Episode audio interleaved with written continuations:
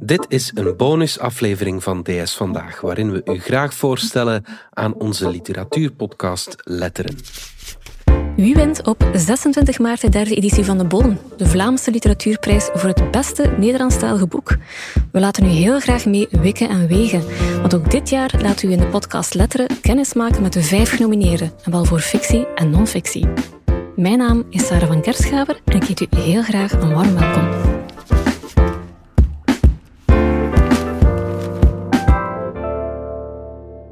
Welkom Steven van Ammel en welkom Mark Uiterhoeven. Twee grote Paul van Ostaaien-fans, want we gaan het vandaag hebben over de biografie van Paul van Ostaaien, geschreven door Matthijs de Ridder. Een prachtig boek, een heel dik boek. Er is mee geworsteld, er is mee op tafels geslagen, maar bovenal, het is vooral een heel sterk werk. En natuurlijk, jullie zitten hier niet zonder reden. Mark Uiterhoeven zegt normaal gezien nee uh, op heel veel vragen, maar je zit hier toch. Hoe komt dat? Ja, het verleden achtervolgt een mens. Het is dus om familiale redenen dat ik hier zit. Want Paul van Ostaaien is eigenlijk gelinkt aan de twee kanten van mijn bestaan. Genetisch gesproken, dus van moederskant en van vaderskant. Van vaderskant als volgt. Mijn grootvader heette Chef Uitroeven en was getrouwd met Simone Bursens, de jongere zus van Gaston Bursens. Gaston Bursens, de boezemvriend van Paul van Ostaaien en na zijn dood ook zijn promotor, uh, mogen we zeggen. En aan de andere kant, mijn moeder heette de Trooier. Haar vader was Prosper de Trooier, kunstschilder. Die was ook een goede vriend van Van Ostaaien. Van Ostaaien is trouwens nog thuis geweest, in het huis van mijn uh, grootouders dan. En um, mijn grootvader heeft ook nog een aantal schilderijen aan hem verkocht voor uh, de Vierge Poupin in der tijd en zo. Dus uh, hij heeft ook uh, van Ostaaien geschilderd en ook nog een paar gewassen tekeningen gemaakt. Dus ik zit van weerskanten, genetisch gesproken, vastgeklikt aan Paul van Ostaaien. Dus de geesten uit jouw familie die waren hier rond en die verplichten jou om hier vandaag aanwezig te zijn. Ja, ja, maar je wordt mooi bedankt in het boek. Stefan Ammel, je wordt niet bedankt in het boek. Nee, dat had mij ook zeer verbaasd moest dat zijn gebeurd. Het is wel zo, ik ken iemand, ik was heel blij om dat te zien, iemand bedankt in het nawoord aan wie ik in geen jaren had gedacht. En ik heb die leren kennen meer dan twintig jaar geleden als een, een barman in een, een klein Antwerps cafeetje, het Leeuwke. Anders dan wat de naam doet vermoeden in deze context, geen Flamingantencafé. Mm En wat bleek een telg te zijn van Emma Clement. Dat is toch wat hij mij altijd vertelde als de stoelen op de tafels werden gezet. Dat hij eigenlijk een volledige correspondentie had tussen Van Ostaaien en Emma. Zijn Emmeke. zijn Emmeke. Ja, de grote liefde. Maar ik, ik heb dat altijd ondergebracht onder ja, sterke verhalen die rond drie uur s'nachts worden verteld. Heel raar. En hij wilde dat absoluut aan niemand laten tonen. Die brieven die zaten in een, eh, in een munitiekist, hij die onder zijn bed. Dus ik begin die biografie nu te lezen, helemaal uit. En dan zie ik van, en daar staat die naam van die barman. En dat sterkte mij ook wel enigszins in het vermoeden van als hij daaraan geraakt is, maar tijdens de ridder aan die munitiekist. Ik had sowieso al het vermoeden dat er geen steen uh, uh, niet is omgedraaid geweest, maar dit was toch wel. Ik vond dat straf. Vond dat ja, fijn om, toch een soort kwaliteitscheck. ja, maar dat is ook een van de redenen waarom ik hier zit, omdat okay. ik het echt een uitstekend werk vind, om het zacht te zeggen. Ja, wat, wat vond je van het boek, Mark? Gewoon echt waar fantastisch. Ik heb, hem, ik heb het uh, in de eerste 200 bladzijden gelezen in mei van vorig jaar. En dan ben ik naar Frankrijk vertrokken voor een paar maanden en ik reis alleen met handbagage en u zal begrijpen dat ik dat boek niet heb meegenomen. Dus heb ik uh, in september toen ik terugkwam uh, voortgelezen en in twee dagen de rest gelezen. En ja, ik vind het echt fantastisch wat hij heeft. Een van de beste werken die in de Nederlandse taal zijn verschenen de laatste jaren. En wat maakt het zo goed? Ja, om te beginnen is het natuurlijk een soort krachttoer en inderdaad, wat, wat, we hier net horen, is toch echt wel echt ja. geen steen onberoerd gelaten. Ja. Dus hij heeft echt Absoluut. wel alles gevonden. Het is zo compleet. En ook uh, vooral heel goed geschreven. Het is iemand, als, ik heb nog uh, lesgegeven aan Thomas More in Mechelen, een jaar of vijf. Uh, waar als er storytelling bij komt, dan is Matthijs de Ridder echt een voorbeeld. Want in een interview las ik dat hij zei, ja, ik heb natuurlijk wel hier en daar een hiaat opgevuld omdat ik de logische, volg, de logische weg volg tussen twee gebeurtenissen of tussen twee aanwijsbare feiten. Maar ja, volgens mij doet elke geschiedschrijver dat, als ik eerlijk mag zijn. Dus, en dat heeft hij dan wel uitstekend gedaan. Ik ken weinig biografieën die zo diep en zo breed gaan en waar dat je toch als lezer niet vastloopt in de details. Dus iedereen die interesse heeft in, om te beginnen van Ostaaien, ten tweede poëzie en dan daarnaast gewoon Nederlandse literatuur. En een groot stuk Vlaamse geschiedenis, ja, dan, dan zou ik dat echt wel uh, aanbevelen. Ja. Ja, want het is wel altijd een meevaller als 850 bladzijden, als het een page-turner blijkt. Hè. En dat is er toch wel het Ja, geval. een biografie Ja. die- van, van een dichter. Ja. Ja. maar de man die de wereld wilde veranderen, zo luidt de ondertitel. Eh, Steven van Ammel, jij bent boekhandelaar. Verkoopt Paul van Ostaaien nog een beetje? Wel ja, om, om boeken te verkopen moeten er eerst boeken zijn natuurlijk. En er is niet zo gigantisch veel nog in druk. Er is een eh, eh, music hall editie is in, eh, in voorraad. En een uh, facsimile editie van Bezette Stad.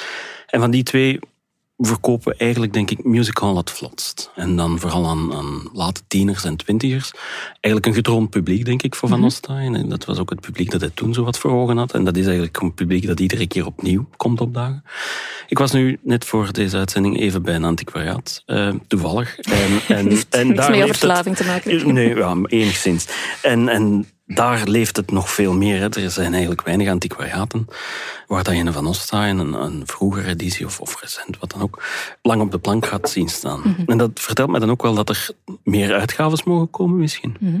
Een verzameld werk hebben we al lang niet meer. Nee. Ja. nee. Matthijs de Ridder is ook bezig met vertalingen om het woord te verspreiden, bijna letterlijk, in het buitenland. Deze biografie komt als geroepen, met andere woorden. Maar aan de andere kant heb je natuurlijk wel allemaal een beeld van Paul van Ostaaien. Dat neigt naar een cliché. Dus ik kan mij voorstellen dat jullie wel van alles ontdekt hebben. Toen jullie dat boek lazen, dat je toch nog kanten van Van Ostaaien ontdekte die je niet ja, in je hoofd had. Wat heb jij bijvoorbeeld ontdekt, Mark? Ja, dat is zeer zeker het geval. hè, Want eh, ja, het is een intrigerende figuur. Het is ook een irriterende figuur Ja, bij momenten. En dat Ja, maakt het juist uitstekend voor... eh, ja. Dat, dat maakt het interessanter natuurlijk. En je voelt hè. Dus ja? Ja, Ja. want eh, als, ik, ik heb de, aan Matthijs gezegd, of aan geschreven... Als het boek niet verkoopt, heb ik hem geschreven... wikkel er dan true crime, true, true crime rond liever, want zo spannend vind ik het. En, en, en dat, dat is het ook. Hè. Dus het is allee, Berlijn, dan de, het geval Mercier. En hij valt ook in alle sloten, in zeven sloten tegelijk is de uitdrukking, denk ik. Dus hij heeft Ja. altijd wel iets aan de hand. Dus hij heeft geen eenvoudig leven gehad, maar om maar 32 te zijn geworden, heeft hij wel een zeer vol en verscheiden leven gehad. En dat maakt hem echt fantastisch. Ik weet niet of het altijd een... Het was een goede vriend van mijn grootoom dus, maar of het altijd een aangenaam mens was, daar twijfel ik aan. Ja, zeer. Eh, Hij is bij wijle echt wel heel koppig. Eh, dat maakt ook dat je als, als lezer... eh, Het is een biografie, maar het is op die manier eh, geschreven dat je zeer betrokken raakt ook wel. Het, het wordt heel, heel goed verbeeld. En er zijn momenten dat je denkt van, doe, doe dit nu niet. Er worden heel vaak... En vrij snel, denk ik, soms ook wel vriendschappen opgeblazen of, of redacties eh, verlaten, eh, projecten worden achtergelaten. Dus een geweldige dadendrang. Wat ik wel had vermoed voordat ik die biografie begin, begon te lezen. Maar je merkt ook dat er geweldig veel mislukkingen in zitten ook. Ja. Ja. Het is rijk op alle vlakken, maar dat eh, kwam wel naar voren. En daarnaast, omdat je nu net zei van wikkel er naar iets anders rond en, en verkoop dat is true crime. Ik denk dat het ook aantoont bijvoorbeeld dat cocaïne al langer een probleem is. Ja, in, in Antwerpen. Ja, ja. Hij heeft dat gelanceerd, zoals zoveel. Ja, dat, daar had ik mij bijvoorbeeld niet aan verwacht. Nee, En, Dat is waar. ja, Ja, ja. klopt, absoluut. En kun je nog een van die mislukkingen noemen? Iets wat bijgebleven? Goh, iets waarvan ik dan wel als boekhandelaar en lezer van wist dat het bestond, maar niet dat hij daar eigenlijk redelijk ver in gevorderd was, is die roman die er niet is gekomen. Dan denk ik van, oh, dit is toch wel zeer spijtig dat dat is opgegeven. En dan daarnaast op een gegeven moment, ja, die kranten en die redacties waar dat hij keer op keer in vastloopt, hè, dat zijn zeer sneu, zeer, zeer jammerlijke zaken. Van zijn 13, 14 jaar, Ja. want zo jong is hij op een bepaald moment. En tegen gasten die veel ouder en wij nemen aan struizer zijn, Ja, gaat, ja, hij gewoon, daar gaat hij gewoon tegenin. Maar dat is, dat is toch echt een snotkind op dat moment. Dat is, dat is onwaarschijnlijk, ja. Nee, dat is, dat is als 13-jarige. En goed, dan misschien enigszins ingefluisterd door zijn, eh, zijn wat oudere broer. Maar dan nog, als 13-jarige, dat is ook zoiets waar ik helemaal geen idee van had, was die korte, moeilijke schoolloopbaan van Van Ostaaien. En, en hoe belangrijk dat dat is gebleken in het vormen van vriendschappen, in het vormen van vijandschap, in het vormen van een, van een identiteit bij hem. En wat Matthijs de Ridder ook heel goed doet daar, denk ik, je krijgt niet enkel het figuur van Ostaaien, het is echt een cultuurgeschiedenis. Je krijgt de volledige van Ostaaien en je krijgt de volledige voorgeschiedenis van dat Flamingantisme. Zijn specifieke rol daarin, maar ook zijn visie erop. Ja. Hè, Dat was een, een ander soort Flamingantisme dan de, de generatie daar net voor. Ik vond dat wel allemaal heel boeiend. Daar had ik eerlijk gezegd mij niet aangezet aan een boek over die geschiedenis, de Vlaamse geschiedenis. Ik heb daar weinig uitstaans mee, maar op deze manier heb ik het toch maar allemaal mee, mee. Ja. Ja, en het zijn ook Ja, maar je, je denkt toch heel de tijd ook van dit hebben mijn voorouders ook allemaal meegemaakt. Dat, Ja, ja, dat maakt het ook veel breder dan alleen maar de geschiedenis van de familie van Ostaaien. Ja. Het is dermate gedetailleerd dat je door die stad kan stappen.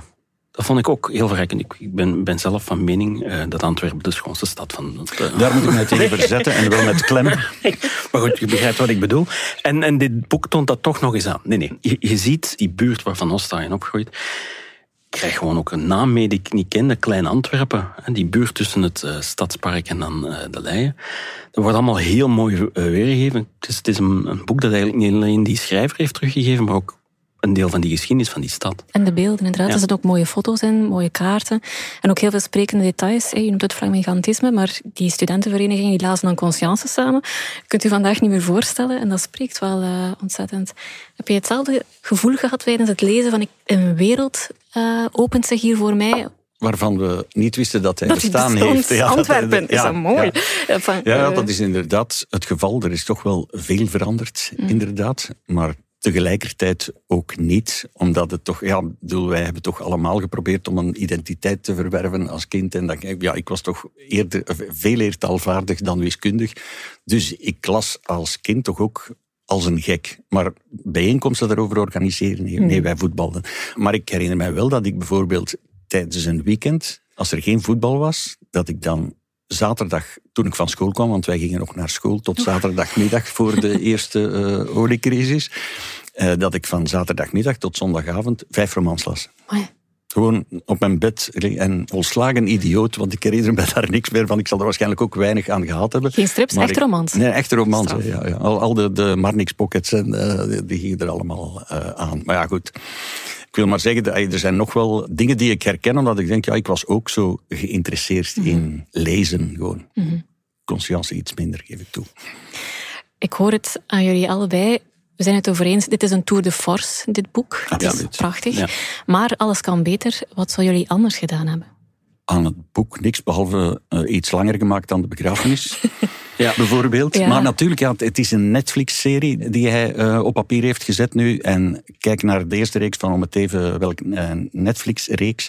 Die eerste eindigt altijd een beetje ontgoochelend, omdat de makers de deur wijd open houden om uh, geld te, vast te krijgen voor een tweede reeks. Dus ik neem aan dat Matthijs Drieder op dit ogenblik aan het tweede deel mm. bezig is. Namelijk het leven van Van Ostaaien na zijn dood. Want het is inderdaad geen geheim, de man gaat dood. En we, ja. we eindigen met de begrafenis. Die is heel uh, heel weinig volk, heel weinig luister. Mm. Wij waren er, hè. Onkel Gaston was er. Absoluut, heeft mee de kist gedragen. Ja. Fantastisch. Dat is ook prachtig voor die Netflix-reeks, omdat uh, het eindigt met die begrafenis. En dat is toch ook mm. een uh, ja. on ongelooflijk filmisch, hoe ze dan die kist... De bewoners van, van Miavois... Die, dat die, als die taak zagen om dat ja, mee ja, te doen. Ja, ja, ja, toch geweldig. Gewoon dan de, de, de, heuvel op naar de kerk en dan de heuvel langs de andere kant weer af naar de begraafplaats. Echt een prachtig ja, einde. Van, van ligt inmiddels aan wat ik het eind van mijn straat noem, uh, het Schoonselhof. En er uh, was onlangs een, een schrijver, Pascal Verbeke was in de winkel, die, die wist dat ik het boek aan het lezen was. En die, die had daar nog een vraag rond van wat is er nu gebeurd met die tweede begrafenis en dan nog eens de begrafenis op het ereperk in Schonsel. En dat is iets wat de Ridder niet aanraakt in het boek natuurlijk. Het stopt echt bij die begrafenis. Dus daar zie ik inderdaad nog een vervolg. Wat nu met de receptie en wat met... Uh... Dat is onkel Gaston opnieuw, hè? Ja. Die heeft ervoor gezorgd dat, hij, uh, ja, ja. dat zijn lichaam twee keer verplaatst is, laten we zeggen. Ja, ja want hoe gaat het verhaal verder? Mark, jij weet dat inderdaad uh, Gaston Bursens daar nog een rol heeft gespeeld. Op welke manier heeft hij het leven of ja, van Van Ostaaien nog een boost gegeven. Op alle mogelijke manieren, in alle, alle publicaties die nadien ja. over Van Ostaaien zijn, zijn verschenen, daar heeft dat wel iets mee te maken. De, de, ja, nee, het is gewoon ja, boezemvriend over de dood heen. Ja. Gewoon, ja. ja. En stel dat jullie daarbij waren destijds, bij de begrafenis van Van Ostaaien. Het is heel treurig, uh, heel weinig volk. De klok uh, klepelt tien keer en daarmee zit hij aan de grond. Wat zouden jullie gezegd hebben als jullie nog een laatste woord mochten zeggen? Ik zou gezegd hebben uh, tegen onkel Gaston, wat is dat eerste boek van Schmol? Hier, mm. hier rust de dichter van het eerste boek van Schmol. Dat bestaat niet, dat boek. Het bestaat misschien wel, maar misschien wordt het nooit uitgegeven. Oké, okay, het heeft iets enigmatisch, maar het is te weinig speels voor mm. Van Ostaaien. Dus ik zou gezegd hebben, zet gewoon op dat kruis. Ja. Hier ligt begraven Paul van Ostaaien. Hij is niet gecremeerd, want men zei dat ging waaien. en het woei ook, als ik okay. het werkwoord sterk mag maken. Ja. Okay.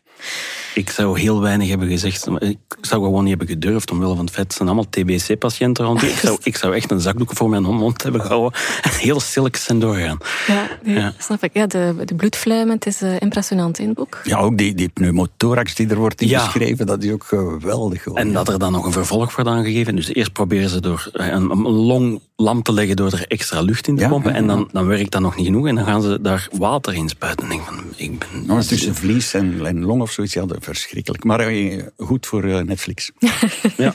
Nee, ik, heb, ik heb zelfs opgezocht op een gegeven moment. Ik was dermate geïnvesteerd, betrokken bij de biografie. Wat was er nu gebeurd als hij naar Zwitserland was geraakt? God, ja, inderdaad. Het, heeft, het is geweest. Hè? Wat zijn de slagkansen als je daar dan geraakt hebt? We kennen de Toverberg van Thomas Mann. Dat was het ding om te gaan doen. Mm ja, dat had ik hem dan toch wel gegund, die paar extra vang om daar te geraken. Mhm.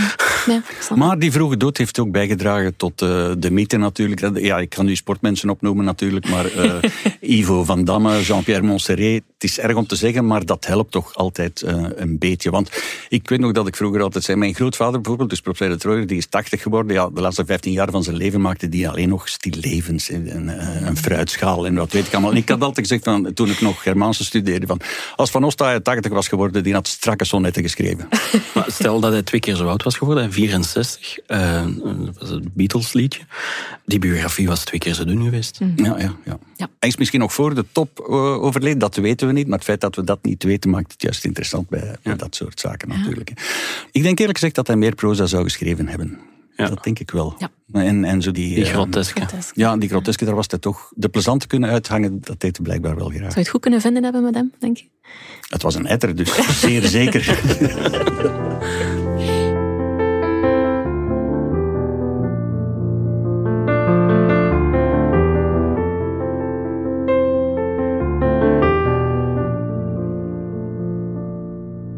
Wat kunnen we vandaag van Paul van Ostaaien leren? Doorzetten mm op een moment. Hij heeft veel opgegeven, maar is wel onvoorwaardelijk voor zijn kunst, voor zijn idee blijven gaan. Mhm in heel die biografie vind ik dat echt wel frappant. Het valt allemaal in duigen om hem heen. Zeker van zodra dat hij naar Berlijn gaat. Dat, het komt allemaal niet van de grond. Maar hij blijft wel doorzetten tot dat laatste ziekenbed, waar hij nog een tijdschrift opricht. Vind ik eh, fenomenaal. Mhm. ja. Ja, de werkkracht, zelfs als hij doodziek is, laten we zeggen. Maar ik vind vooral, um, doe wat nog niet gedaan is. Mm. Want het staat, eh, laten we wel wezen, als we de expressionistische gedichten die er vlak voorkomen lezen, oké, ja, maar ik bedoel dat plots, dat is echt tabula rasa. Mhm.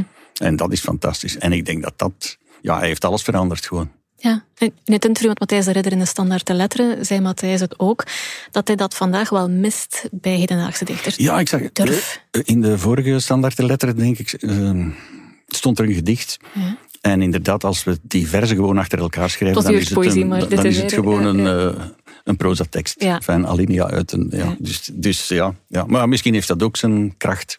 Ja. Ik denk wat Matthijs in dat interview een beetje aanhaalde, was het experiment in de poëzie is er nog wel, maar hij mist het geëngageerde in die experimentele poëzie. En een vorm die past bij het engagement. Ja, ja en dat, dat, daar kan ik hem wel in volgen. Er zijn in de voorbije decennia wel pogingen geweest, maar als je het hebt over nu-nu, dan zie ik dat minder. Je ziet wel dat engagement. Mm nu, er, is ook dermate veel veranderd. Als je, als je die biografie leest, je ziet hoe dat er gereageerd wordt op literatuur. Niet mhm. enkel van Van Ostheim, maar ook van anderen. Die positie die literatuur had, dat is weg. Er wordt niet meer op zo'n manier gereageerd op poëzie. Of op het idee alleen al van frappant dat een leerling van, van een ateneum wordt gegooid omwille van het schrijven van een gedicht. Oké, okay, de woorden blote en borsten vallen. Maar dan, dan nog, dat kun je niet meer voorstellen. Ik denk dat elke directie nu blij is als er daar nog een, een gedicht ja. wilt schrijven. Dus die, die plek van poëzie is weg. En bij gevolg denk ik ook dat, dat zo'n Van Ostaaien gaat minder snel voorkomen misschien ook moeilijker vandaag. Hè? Want stel nu dat Paul van Ostaaij vandaag zou leven, wat zou hij maken? TikTok-filmpjes? Zou hij podcasts? Rapper. ja. ja. met de kledij. Kan wel spelen met, met, de kledij en dan al om te beginnen. En bovendien ritmische teksten. Mhm. En die teksten hoeven niet altijd over drugs over, of over seks te gaan. Ook bij eh, echte rappers is er soms een soort engagement. Dus ik denk dat hij dat wel, uh, dat, ja, dat zou bij hem wel gepast hebben. Maar niet als hij 60 was natuurlijk, maar als hij nu opnieuw uh, eh, 20 was. Of nog jonger, want hij zegt wel... want we zeggen 32 is niet oud, maar ja, hij is er vroeg aan begonnen. Ik zal het zo maar zeggen. Een TikToker zie ik niet doen. Rapper was ik inderdaad nog. Maar, maar ja, of misschien toch ook gewoon omdat het zo war staat op alles wat er nu verwacht wordt, toch ook gewoon dichter.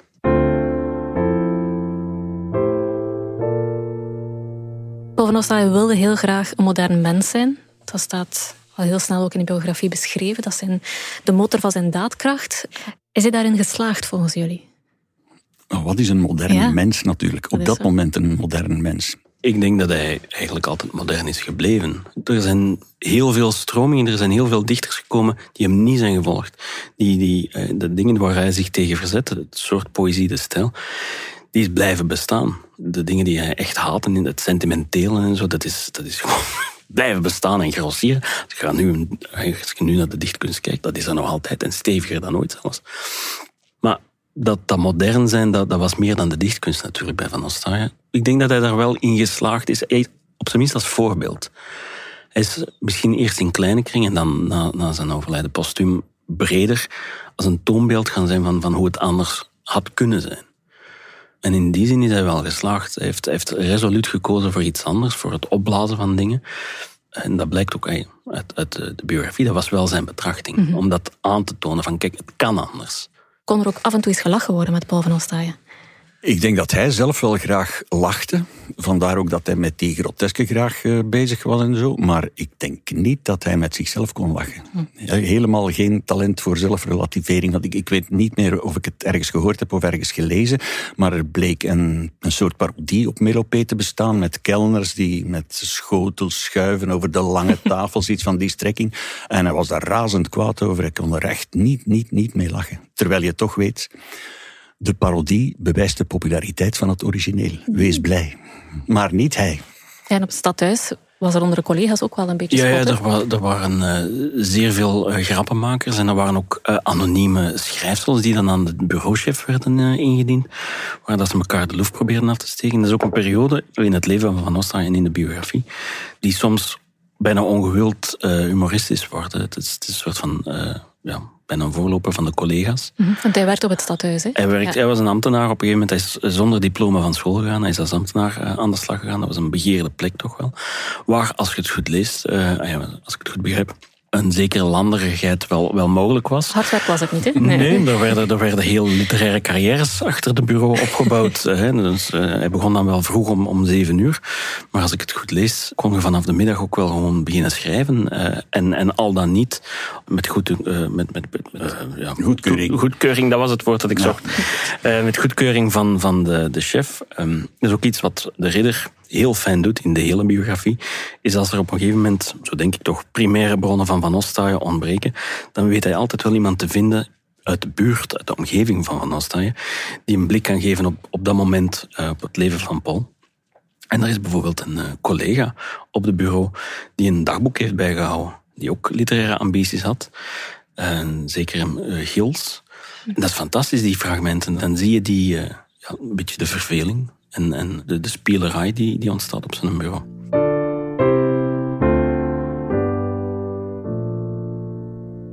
De jonge dood, dit is een passage die jullie allebei heeft aangegrepen. Was er nog een andere bladzijde of passage in het boek waar jullie een gemaakt hebben, omdat jullie aangreep? Diverse, ja. Ik, eh, aangrijpen is, is misschien veel gezegd, maar zij, als Matthijs Ridder schrijft over de, de, de music halls en, en het belang van die music halls, er zijn passages bij dat je heel goed ziet wat een fantastische stilist Matthijs zelf is. En dan, dan zit daar een soort van opzwepende kracht in die, die je echt wel mee die nachten intrekt. Dat vind ik heel mooi beschreven. Maar er is één, fragment dat eigenlijk niet van Matthijs is, maar gewoon een, een, eh, een stukje uit een gastenboek van de Galerij der Sturm in Berlijn. Een plek waar Van Ostaaien op een gegeven dag gewoon naartoe gaat om er geweest te zijn, om zich aan te melden, om te kijken van ik ben hier, het is mijn moment, hier zijn alle modernen rond ons verzameld. Er is niemand om hem te ontvangen, hij ontmoet niemand. Hij schrijft in dat gastenboek en er is een pagina afgedrukt in het boek, in de biografie. En dan zie je wie daar nog was geweest en er staan daar zes, zeven namen voor. Zes dagen daarvoor staat er Clement Pansars. Dat is een, eh, een Belgische dadaïst, Frans Taal, die daar zes dagen voordien was. En die Pansars komt voor de rest in die biografie helemaal niet voor. Maar als die nu op dezelfde dag waren geweest, dan was dat misschien helemaal anders uitgedraaid. Pansars die stond in contact met Ezra Pound, die stond in contact met James Joyce. En er is heel veel eh, niet gebeurd dat had kunnen gebeuren. En ik vond dat wel een, een frappant wel, tijdsdocument. Ik vond Bezette Stad eh, fantastisch. nee, echt waar. Ik, er staan dus eh, onderdelen van eh, in het boek van Matthijs de Ridder uiteraard. En ik dacht, verdorie, ik heb hier toch het verzameld werk van Van Ostaaien boven liggen. Zo die vier banden in, in een doos. Hè. En ik vond het niet meer. En toen ben ik uh, op internet gaan zoeken en ik heb het opnieuw besteld omdat, ja, in al de rommel die ik liggen heb, is het onbegonnen werk om te hopen dat ik dat ooit nog terugvind, te dubbel. En ik heb, uh, ik heb het opnieuw besteld. Twee dagen later heb je dat dan in huis. Mm. En uh, ik heb Bezette Stad helemaal herlezen. En echt fantastisch sterk is dat. En wat grijpt jij daar zo in aan? Ja, gewoon alles. De, de, de, de, de vorm, de klank, de, de, de inhoud ook, die er, die er wel in zit, uiteraard. Maar met die musical bijvoorbeeld heb ik minder, omdat ik niet zo geweldig goed ben in, uh, in muziek. In dansen. Maar ja, natuurlijk, als we het hebben over Paul van Ostaaij, de rapper, dan uh, is musical ook een argument om hem in die categorie van hedendaagse uh, cultuur te zetten. Stel nu dat het verfilmd was geweest, het leven van Paul van Ostaaij, een Netflix-serie bijvoorbeeld, zou je die besteld hebben? Ik heb Netflix, dus ik zou zeggen... Ik zou het ja, ja, Maar ik zou waarschijnlijk ook uh, met Matthijs de Ridder er ook eens over spreken. Want het moet beginnen met een soort scenario van het boek te maken. En aangezien het boek chronologisch is opgebouwd, kan dat niet zo ongelooflijk moeilijk zijn. In tegenstelling tot het verfilmen van literaire werken die met flashbacks en dat weet ik allemaal werken. Dit is gewoon van A naar Z. Dus een scenario maken. En, dan, en ik, ik hoor dat hij aan het vertalen is, wat voor Netflix natuurlijk wel een probleem is. En dan wil ik wel eens uh, zien hoe boem, mm -hmm. paukenslag uh, en, uh, en en um, berceuse nummer twee bijvoorbeeld, een, een, reus, mm -hmm. een reus van een roos. Een, doe de deur dicht van de doos. Uh, zoete koeksdoosje. Ik, weet, ik wil het uh, wat hij, daar, wat hij daar in het Duits van maakt. Want ik weet nog, op, op, uh, na verloop van tijd begon Paul van Ostaaij ook Guido Gezelle niet zo slecht te vinden vanwege, vanwege de klanken natuurlijk. Hè. Want inhoudelijk denk ik dat West-Vlaams taalparticularisme, dat was waarschijnlijk veel te beperkend uh, voor Van Ostaaij, maar hij begon dat toch ook te vinden. En mijn vrouw is uh, keramiste, die had een tentoonstelling in Torhout en in dat parkje hingen overal werken van Gezelle en ik liep er rond en ik dacht, maar Gezelle, dat was een rapper. dat is ongelooflijk gewoon. Ik, ik ben een blonde die rondom en het is echt zo, tennis van u hier Ja, dat is gewoon geweldig. En, en, dat is de reden waarom Van Ostaaien het ook uh, op den duur toch goed vond. Dan blijft wel de vraag, wie mag Paul van Ostaaien vertolken of wie niet? Uh, ik heb daar niet meteen namen voor, maar misschien moeten we zo kijken, als Matthijs daar iets over te zeggen heeft, moet hij zo kijken naar die, uh, die Bob Dylan verfilming, I'm Not There. Als je kijkt naar de opbouw van de biografie, de hoofdstukken krijgen allemaal verschillende variaties op de naam van Paul. Paul, Polte, Paus, enzovoort. Die, die verfilming van uh, Dylan's leven, dat zijn allemaal andere acteurs die in bepaalde fases van zijn leven spelen. Misschien moeten we het zo zoeken. En dus Kate Blanchett was daar een van. Mm. Richard Gere. En misschien kunnen we dan zo bijvoorbeeld Benny Klaases vragen om, om de dandy te spelen. Ja, Jan de Cler valt af. ja, dat is jammer voor hem. Maar ja. Hij zal zeggen van, ja, oude mannen krijgen geen kans op televisie. Maar, uh, maar inderdaad... Iedereen boven de 32. Ja, ja inderdaad valt af.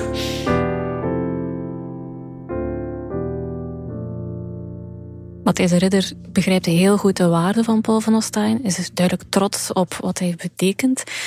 Ja, is het niet eens in onze Vlaamse kanon? Zijn wij hier als Nederlands taalgebied wel trots genoeg op Paul van Ostaaien? Wat is het belang van die kanon? En om eerlijk, ik ga je zeggen, er, er was een tv-programma in 2005, De Grootste Belg. -huh. In de top 100 sta ik voor Van Ostaaien. Dat zegt alles. Ik heb het idee dat die kanon vooral leeft bij mensen die mensen mogen voordragen van die kanon. Daarbuiten in de boekhandel bijvoorbeeld, ik heb, ik heb nog nooit een vraag gehad naar de kanon. Of uh, waarom deze of gene ontbreekt, uh, of waarom deze of gene er wel in staat. Dat leeft niet echt. Daarnaast, het is wel zo, hey, onderschatten we het belang van Van Ostaaien. Ik kan moeilijk zeggen dat er de voorbije jaren niet, niet zwaar is ingezet op Van Ostaaien. Dat project van de buren, waar Matthijs Ridder ook bij betrokken is geweest, Besmet de Stad, dat is fantastisch geweest. Dat heeft een hele generatie opnieuw bij dat werk gebracht, op een hele fijne, natuurlijke, met rap, allemaal soorten me nieuwe middelen. Er zijn niet veel dichters van de voorbije honderd jaar die die eer hebben gekregen. Wie zal er treuren om een plaatsje in de kanon als uh, Mark Roets morgens de, de dingen, Melopé, als die allemaal gewoon al opgenomen zijn in het geheugen, het algemene geheugen van de bevolking, als dat al bestaat. Dus mm. ik, uh, ja. En Zelfmoord de Zeemans. Ja. Dat vind ik een geweldig gedicht, Zelfmoord. De Zeeman. Hij hoort de stem der Lorelei. Hij ziet op zijn horloge en springt het water in. Vond ik een on ongelooflijk uh, prachtig gedicht. En Melopé, opgedragen aan uh, Gaston Burses. Ik heb dat ooit gebruikt in een sportprogramma, dat is ook al 40 jaar geleden. Hè. Dus ik deed, ik deed uh, ja, het gaat over de kano naar zee. En ik maakte een reportage, een lange reportage, documentaire bijna, um, over het Belgisch kampioenschap kanovaren, kajakvaren, kanovaren. En ja, we hadden een camera op een kano uh, geïnstalleerd en zo. En ik dacht toen al, ik ga een gedeelte van dat gedicht ga ik gebruiken als uitleiding van, van het stuk. En dus je ziet dus mooi dat water spatten op die boot en zo. En dan, ik begin dan langs het hoogriet, langs de laagwei enzovoort enzovoort. En dan kom ik bij het slotvers natuurlijk. Waarom schuiven de man en de maan getweeën gedwee naar de zee. En daar had ik een stuk achter gezet van de Belgisch kampioen uh, kanovaren, die op mijn vraag, uh, wat boeit u uh, in, in de kano, geantwoord had, ja, dat weet ik niet, dat is iets wat ik niet kan ontdoen. En dat had ik erachter gezet. En Ivan Song presenteerde in de studio. En voor, naar, naar Songnormen schoot hij echt in de lach. en het rare is, dat is 40 jaar geleden, maar minder dan een half jaar geleden. Ik woon niet ver van de Leuvense Vaart in Mechelen. En half september is er altijd kano-kampioenschappen. Van de laatste kajakwedstrijden van het jaar. En ik zie daar ineens een gast lopen. En ik denk, ik zeg, is uw naam Pannenkoeken? En die gast zegt, hij zei Mark Uitroeven, zeer, hè? Ja. Ik ben nog lang kwaad geweest op u. Hè. Dat was dus die gast die ik, uh, die, die ik in het interview achter dat slotvers van Melopé had gezet. En die was daar op de club mee uitgelachen. En die gaf bovendien les. En zelfs de generaties nadien, die zochten dat dan op op YouTube. Meneer, zei hij dat? Zie je dat, dat hier? Ja, kijk. Dus die was lang kwaad geweest op mij. Ik heb hem een paar pinten uh, betaald en mijn verontschuldigingen aangeboden. Het is jouw manier om Paul van Ostaaien leven te ja, zou je ja, kunnen zeggen. Ja, ja, ja, een traditie van Stan Bursens. Tot waarom moet dit boek de Boon winnen? Ik zal u zeggen wat ik uh, heb opgestuurd, als ik het terugvind hier. Naar, uh... Als je scrollen op je smartphone. Ja. Kijk, dit heb ik hem gestuurd na het lezen. Je boek leest als een trein in vloeiend, vlot, vaardig en voor de rest in Vlaanderen niet meer in het wild voorkomend Nederlands geschreven. Het is gewoon overweldigend. En ja, de vorm verkoopt de inhoud, hoe belangwekkend die van zichzelf ook is. Niet dat ik je toewens, maar als deze vuist niet naar je verwachtingen heeft verkocht, pas de kaf dan wat aan en biedt het aan op het schap True Crime. Zo spannend vond ik het en True Crime is één, merk ik. Dank en proficiat. Prachtig. Ik ga dat iets korter zeggen, denk ik. Ik denk dat, er, um, ik denk dat alle boeken op, op, op de shortlist goede boeken zijn, maar ik denk dat er maar één belangrijk boek is. Mm -hmm. Dit is een boek dat ons Van Ostaaien terug heeft gegeven. En niet alleen aan ons, maar ook aan komende generaties. Uh, zeker tot 2028. Steven van Ammel, Mark Uiterhoeven, hartelijk dank. Dit was DS Letteren. De komende weken stellen we elke vrijdag één van de genomineerde boeken voor in de categorie fictie en non-fictie. Vergeet zeker niet te stemmen op uw favoriet, want er hoort ook een publieksprijs bij De Bon. Stemmen kan u op www.standaard.be slash deboon. En, misschien niet onbelangrijk, u kunt een weekendje turnout winnen. Dit jaar de gaststad van De Bon.